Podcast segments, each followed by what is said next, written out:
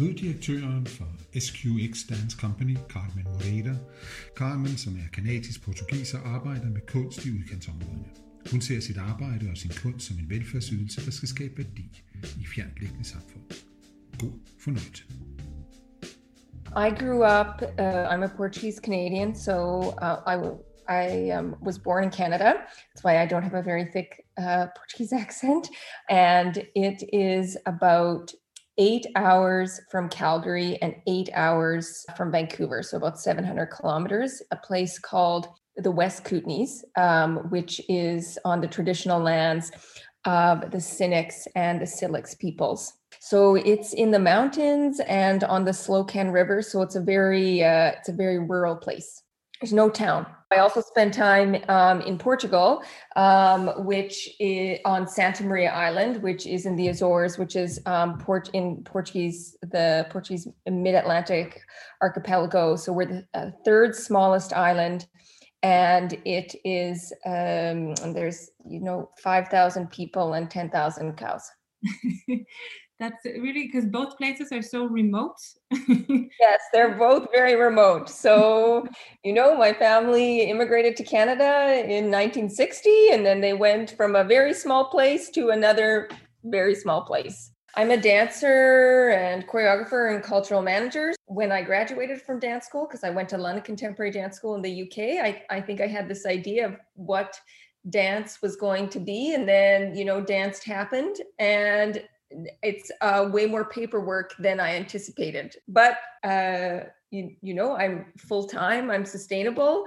I uh, I all I do is dance. Uh, and the paperwork to support dancing all day long. So I've been very lucky that I've been able to pursue my career in dance. And yes, this is my job and this is my work, but it doesn't feel like work all day.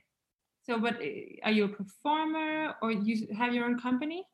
Um, so I have I have two jobs actually. One is in the EU Cooperation Projects Manager for Municipio de Vila do Porto, which is the only municipality on Santa Maria Island, and we just had a KA2 for the special call that was just approved. And then other one, uh, my other job is I run a dance company in Canada. We're a registered Canadian charity called SQX Dance Company. That's sqxdance.org. And we our mission is to use contemporary dance to promote kinship, collaboration, and teamwork.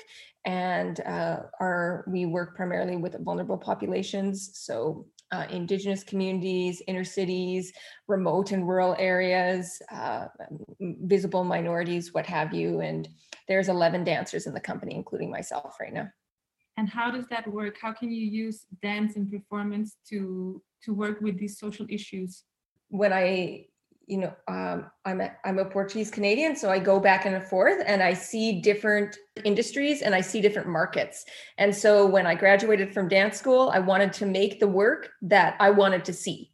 I don't think that in this very globalized world where there is tremendous uh, discrepancy from the ultra poor to the ultra rich that art should just be for art's sake and we should just feel really good in our arabesques and feel really good doing grand jetés. Art is a part of the welfare state. It is primarily funded by governments, and we have a job, just like healthcare workers, to provide a service. And that service should, again, in this very problematic, traumatized, globalized world, it should provide a service. And so all the work that I do, no matter which continent it is from, because my work in Canada it, with Canadian dancers like that, they come to Europe all the time. So it's heavily overlapping because everybody goes from Santa Maria to Canada and Canada. So it's two different jobs, but a lot of the same people. Art should be providing a, a, service. And and so i've dedicated myself to using dance to make the world a better place.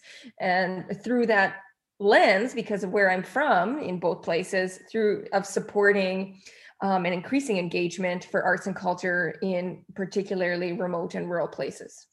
And i know that when that may seem like you know wow, what a great way not to be sustainable if you want to make art in a remote place. Uh, what a what a way to have a really terrible time to try and make money. Um, but actually, aside from when I was living in London to go to dance school, or when I was in Toronto studying at Toronto Dance Theatre, or in um, Winnipeg briefly, I only lived in a in an urban center to go to school. And as soon as I was done, I was out because I actually didn't really like it that much. And I've just made an effort to have a really high standard, not just of performance and artistic merit, but of the paperwork, bureaucracy, partnership development that has to support all that, all the production and cultural management that has support that high uh, level of artistic merit. Merit, and if you can have, and if you can balance both things, then it doesn't matter where you live you can make money anywhere. Partners play a big role then in sustaining it. We do the European uh, projects that also always relies on partnerships.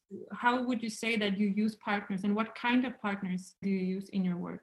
So I would say it doesn't matter if you know I'm developing a project in Europe or in Canada it's all about partnerships because other people's skills and assets bring so much cultural vibrancy and increase the scope and scale and inclusion of your work. So in Europe, yes, they're more, it's multi beneficiary projects. So it's lots of partners coming together. But then when I work with partnerships in Canada, it's more of, you know, a bilateral partnership in terms of SQX and a partner in Spain or a partner in Germany or, or a partner in Portugal lot of partnerships between Canada and Portugal I develop, obviously. so I would say partnerships have become just the backbone of the work that I do because it creates also this like this little bit of an edge if we talk about the market and cultural and the and the art and culture industry you can't be a, you know I'm not saying I'm going to run out of ideas next week or anything like that, but working with other people makes you more creative. It makes your work ultra interesting and ultra relevant and it also enables the artists involved to learn from each other so yes you know my forte is remote and rural populations because that's the work that i that i do um, and a little bit with disability just because of um, um, I have a three centimeter hole in my heart.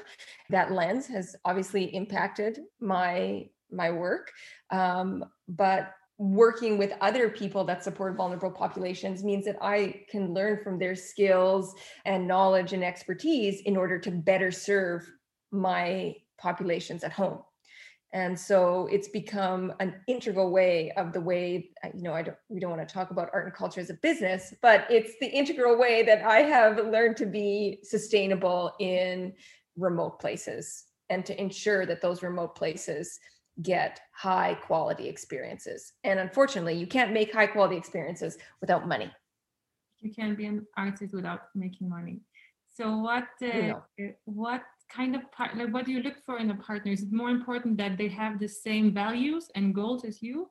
Or is it more important that they can help provide this this funding? I don't think it has to be help providing funding or anything like that because you know if one partner gets co-financing from their whatever sources, then it's easy to that one person even though that money may not go into the other partner's bank account, will be able to help the other partner leverage to get their funders, whether it's the government or foundations or whatever, in order to leverage the money that they need in order eh, to make their side of the project happen. I don't think it has to do anything with um, you know how much money they have in the bank or their expertise in terms of making money we're developing a really cool partnership right now both sqx and municipal de Vila do Porto with um, organization in georgia.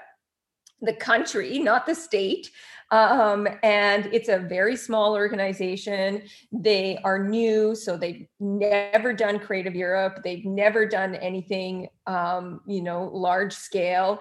And but you know, we've been talking for a number of years. Uh, we've submitted, oh my gosh, probably like five applications for different things that have all been rejected. But we keep getting better and better, and so it's. Uh, but all of that's all of that process of rejection is you know getting us closer to being funded and this actually organization didn't really didn't have uh, a social cultural manage, mandate but because they were interested and they you know their ears perked to a social cultural service that then I could say, okay, well, let's work together and we can do this and this and this. And these are your assets. And let's combine to make a special partnership and a special project because of the things that we um, are both strong at. So I think it a lot has to be with people that are interested in experimenting. I don't want to say experimentation is in terms of like taking artistic risks, but maybe experimentation and doing something that's out of the ordinary. Because I get serving vulnerable populations, and if you want to have that as your key mission, can uh, that can be uncomfortable for some people without having that. I just want to make art.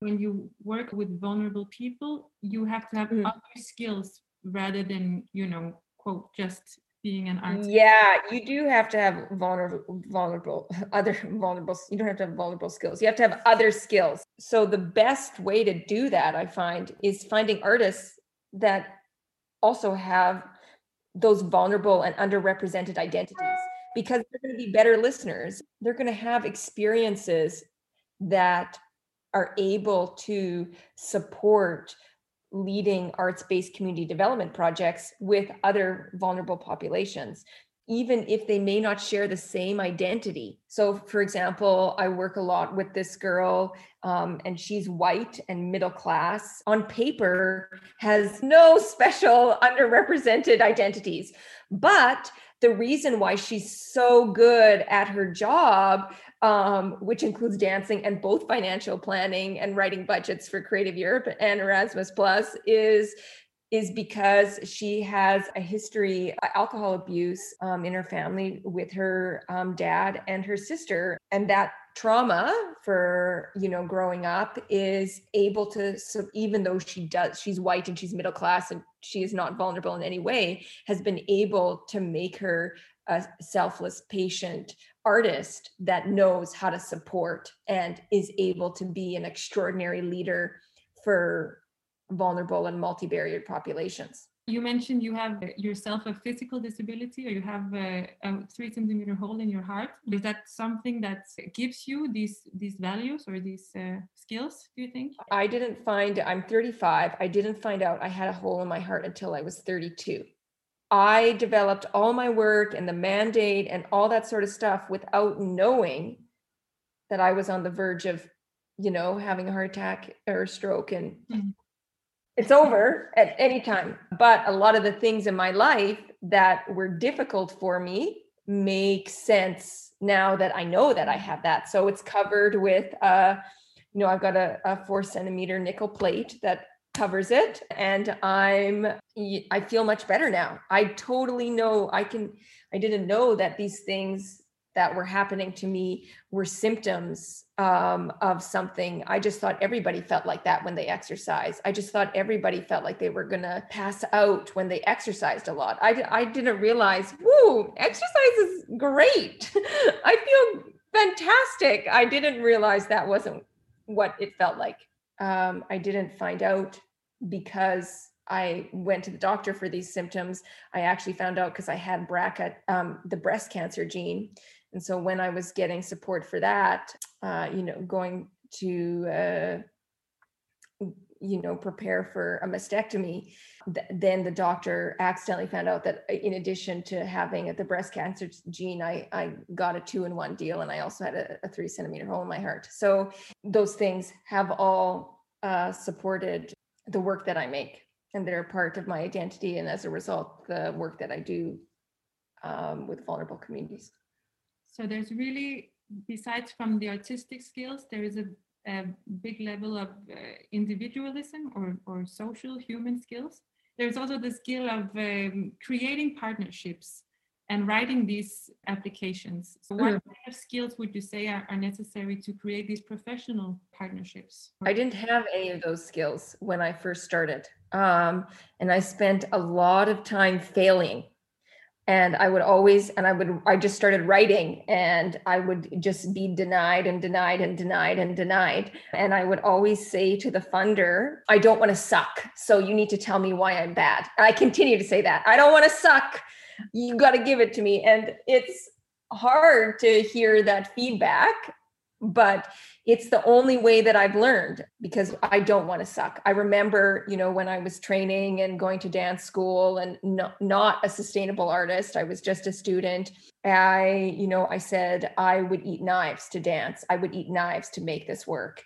And I didn't know that, you know, part of it, yes, was artistic merit, but part of it was learning a lot of hard skills in order to support the art making. And so I learned those skills because I learned I also learned quickly that the people that are sustainable are not the people that are making the best art. They're the people that are best at making money and writing grants. And so I had to learn those skills and I learned those skills by telling every funder that I failed at, I don't want to suck. You've got to tell me what I did wrong and that and those skills are how um, and that feedback is how i've been able to you know to be more and more sustainable and create more and more work and for myself and for the communities and for dancers. And that has just you know exponentially increased over time. And so now you know i'm able to do that in a lot of countries at once right now. You know because we've talked about being an artist and not just doing it for the sake of the art but but considering it a service and also making it into if not a business then at least you know make it sustainable because you have to make a living so what yeah. the, uh, what's the advice that you would give to to other artists working in this well, field i think you got to be prepared for failure but that's not because you know failure is the end game. That's just the beginning. That's the beginning. Those those failures are all investments in making money later. So if you fail don't walk away. Like if you get if you write something or something doesn't work that's not an opportunity you know go into a cave and roll over and die. That's an opportunity to figure out why that didn't work whether it's in a grant or an artistic process like you know all the work that i'm doing we used to do in person. Covid's happening right now. We're doing it online. Oh my gosh did we bomb in september? It was awful. But now it's really good and we're doing a good job of being online. So failure is an opportunity to learn some skills. And the biggest way and you just have to learn those as fast as you can write a lot, fail a lot, but don't let that rock go unturned because there is an enormous amount of knowledge underneath that. And also, you know, I kind of tell these funders sometimes they get upset with me when I keep coming back for feedback after like five or six times. And they're like, oh my God, Carmen, just get lost. You like, it's not working. And, I, and my response to some of these funders is, I'm not going away. I'm going to learn the skills to take your money so uh, I'm going to need your help to do it. So don't go away and see failure as an opportunity and make good partnerships because they'll have failed just as much as you. So you can learn from them quicker. Take their failures as opportunities. What would you say is like the biggest value of, of partnerships and working in partnerships? the amount that you can learn because you're the skills that you need especially for european cooperation projects are just those budgets are so big and there's so much to write. And i prefer to write all that stuff by myself. I have one girl that helps me with writing the budgets but if we've got seven partners uh, there's not seven people writing. It's just me in my bedroom writing that european cooperation project by myself all of their skills and their assets and their failures are all an opportunity for you to be a sponge and learn from all that stuff because they no one has a 100% success rate. And um, and so th- that's an integral opportunity to learn. And you know i right i got um, an i-Portunus grant to uh, work with this foundation in Spain, who is one of our partners on our uh, European cooperative project that we're working on right now. And it's it has his foundation is a literary foundation. It has nothing to do with dance. However, he uh, supports r- rural um, populations and minority languages, and so all the skills that he has learned from cultural management that don't have to do with dance are all transferable to my genre it's okay to think outside the box and everyone will have something that they'll be able to contribute to your i don't want to say artistic merit your money making process. And this again i understand this whole interview sounds really american and that i'm saying it because you know you need to make money but it it, it is a business but you're selling a service and you need to be able to put that service into a written format that funders can be excited about. And the only way to do that is to glom on to other partners that have interesting characteristics and the skills, other skills that you can share. Well, also making money is not necessarily uh, a bad thing because that that just goes into you know you can invest more time and resources into your work and add more value to these communities. Definitely, uh, but to yes, to make good art especially for remote and rural populations, it costs more money than doing it in an urban center. You know, when we deliver in Northern Canada, it takes three days to drive somewhere. And that's if you go a thousand kilometers a day. Like this is, you're driving for 14 hours a day to get some places. That costs way more money than you have to go somewhere on the bus.